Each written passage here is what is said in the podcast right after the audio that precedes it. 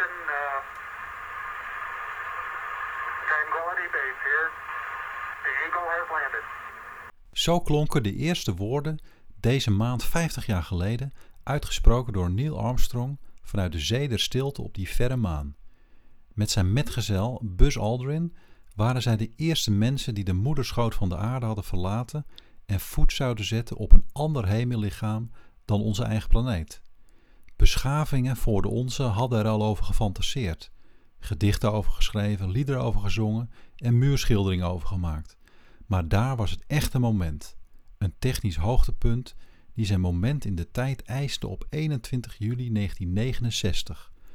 Een duizelingwekkende gebeurtenis die voor een kort moment alle bewoners van de aarde verenigde. Ze kwamen in vrede en vanaf de maan gezien waren de landsgrenzen op aarde even niet aanwezig en politieke verschillen bestonden niet. Iedereen beleefde het mee, op zwart-wit televisies met een erbarmelijke beeldkwaliteit. De Koude Oorlog was even gewonnen door de Amerikanen, nadat ze een aantal keren op achterstand gezet werden door de kameraden van de Sovjet-Unie.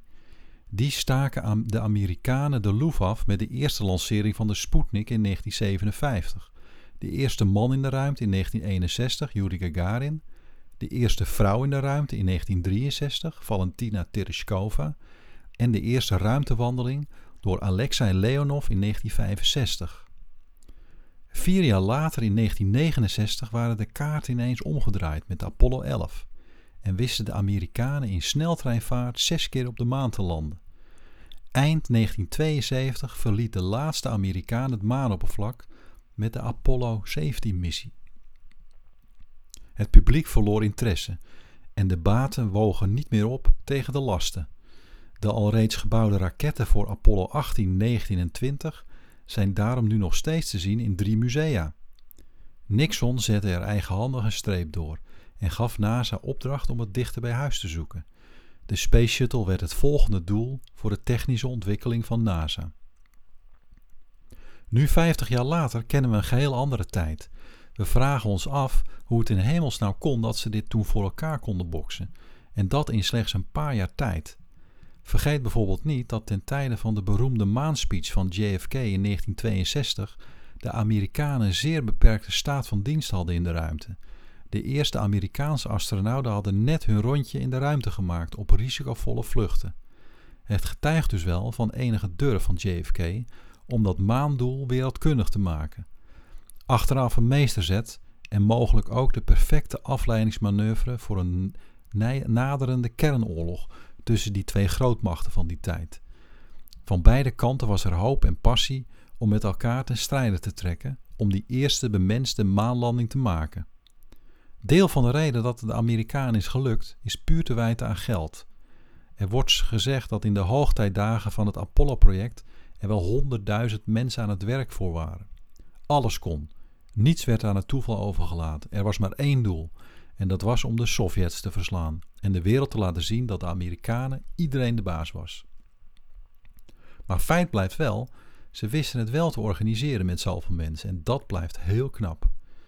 Een andere reden dat de Amerikanen is gelukt, komt door de architect van het geheel, Werner von Braun, de V-2-rakettenbouwer van Adolf Hitler, die na de Tweede Wereldoorlog door de Amerikanen werd gekidnapt, daarna een make-over kreeg en de leiding kreeg over het Apollo-project. Het opmerkelijke is wel dat die donkere V2-kant van Werner von Braun slechts mondjesmaat bekend is bij de gemiddelde Amerikaan. Zijn natieverleden is zorgvuldig weggepoetst uit de boekjes. Het doel heiligde de middelen, alles om de Sovjets te verslaan. Dat JFK een unieke presidentiële prestatie heeft geleverd, moet ook nog even gezegd worden.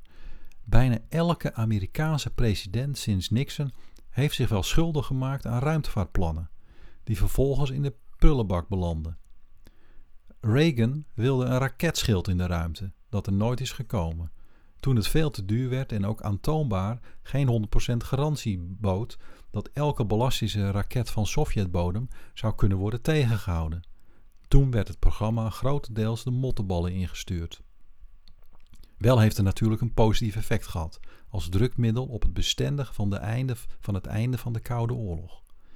De opvolger van Reagan, George Bush senior, lanceerde 20 jaar na Apollo 11 in 1989 het Space Exploration Initiative.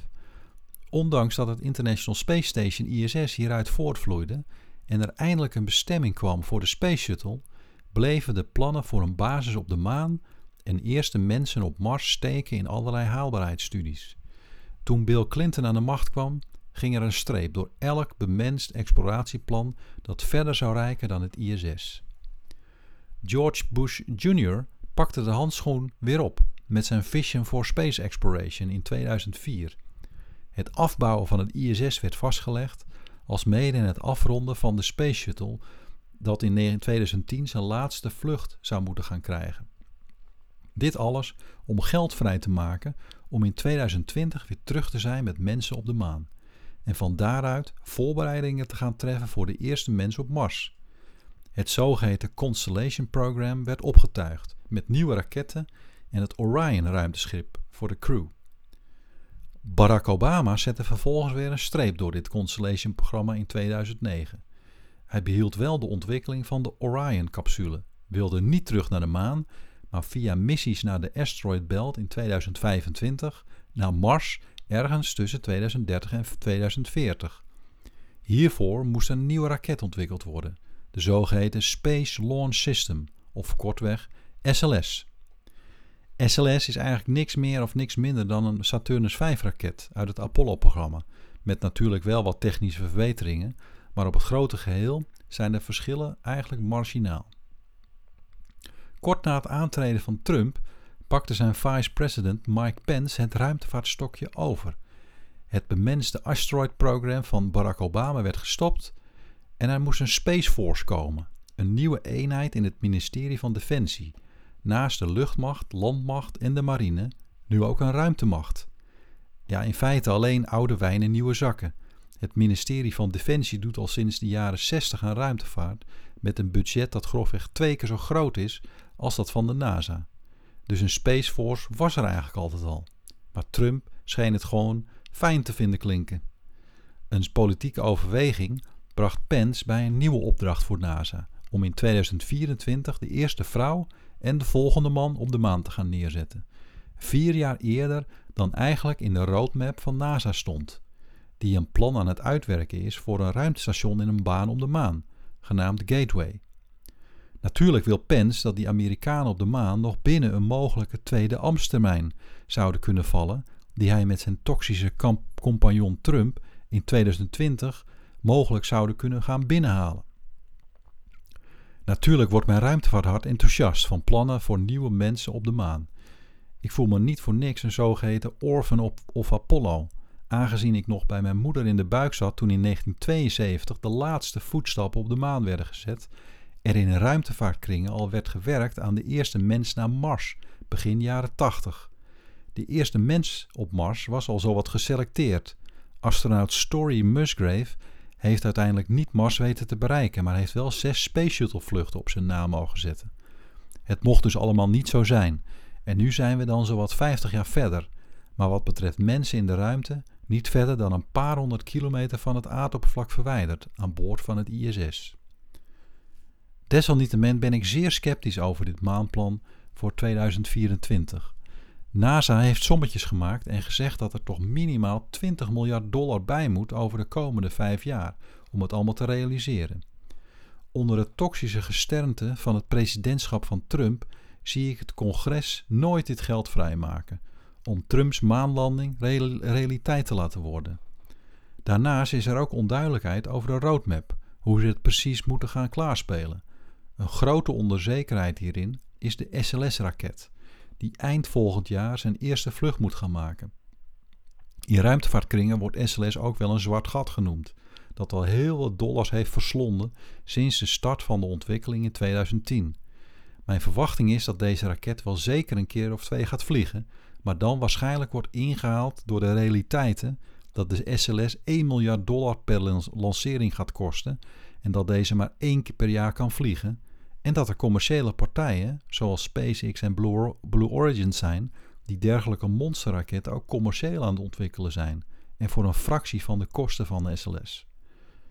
De bedoeling is dat op de tweede vlucht van SLS er al astronauten op een verkenningsrondje langs de maan worden gestuurd. Dit lijkt me toch echt zeer risicovol en vertragingen voor deze vlucht zullen zeker aan de orde zijn. En hierdoor zal ook de 2024 maanlanding gaan schuiven. En wat zal Trump doen als blijkt dat de 2024 maanlanding niet meer in zijn mogelijke regeerperiode zal vallen? Hij heeft veel gekkere dingen natuurlijk gedaan, dus de kans dat het dan geschrapt wordt is niet heel klein. Mogelijke andere bestaande geldbronnen binnen NASA om de plannen te financieren zouden het voortijdig stopzetten zijn van het ISS, of zelfs ook van het Gateway-project. Die laatste is juist onder meer in het leven geroepen om van dit hele plan iets sustainables te maken, zodat het niet wordt net als met Apollo, alleen de vlag neerzetten en dan weer teruggaan. Natuurlijk is het de bedoeling om een permanente baas op de maan te gaan neerzetten en met minder neem ik eigenlijk geen genoegen. Al met al heel belangrijk wat er nou precies gaat gebeuren in Amerika rond deze maanplannen. Ook omdat het Europese ruimtevaartagentschap ESA ook betrokken is.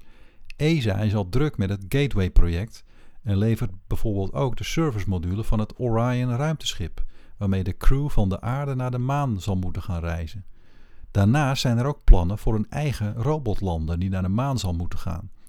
Dit Heracles-project is een van de dossiers waar ESA eind van dit jaar over gaat beslissen tijdens de zogeheten ministerconferentie, waarbij ESA-lidstaten, waaronder Nederland, geld gaan inleggen voor het ESA-programma. Ik kan helaas al iets verklappen hierover, en dat is dat Nederland zeker geen haantje de voorste is wat betreft ruimtevaart. Het beoogde Nederlandse budget voor ESA staat in schil, schril contrast met wat andere landen er allemaal in stoppen. Nederland zal het verschil helaas niet maken.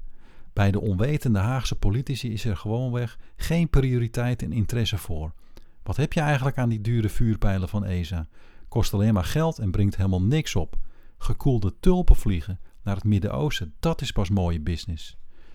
Een misplaatste ontnuchtering die eigenlijk niet thuis hoort bij deze verjaardag van Apollo 11. Wat we geleerd hebben van Apollo 11 is dat alles mogelijk is, zolang we onze zinnen er maar op zetten. Apollo 11 luidde een tijd in van ongekende kennisgroei en technologieontwikkeling op alle wetenschappelijke gebieden. Nog nooit wisten we zoveel. Laten we die kennis in de volgende 50 jaar gebruiken voor de goede dingen. Ruimtevaart is daar één van.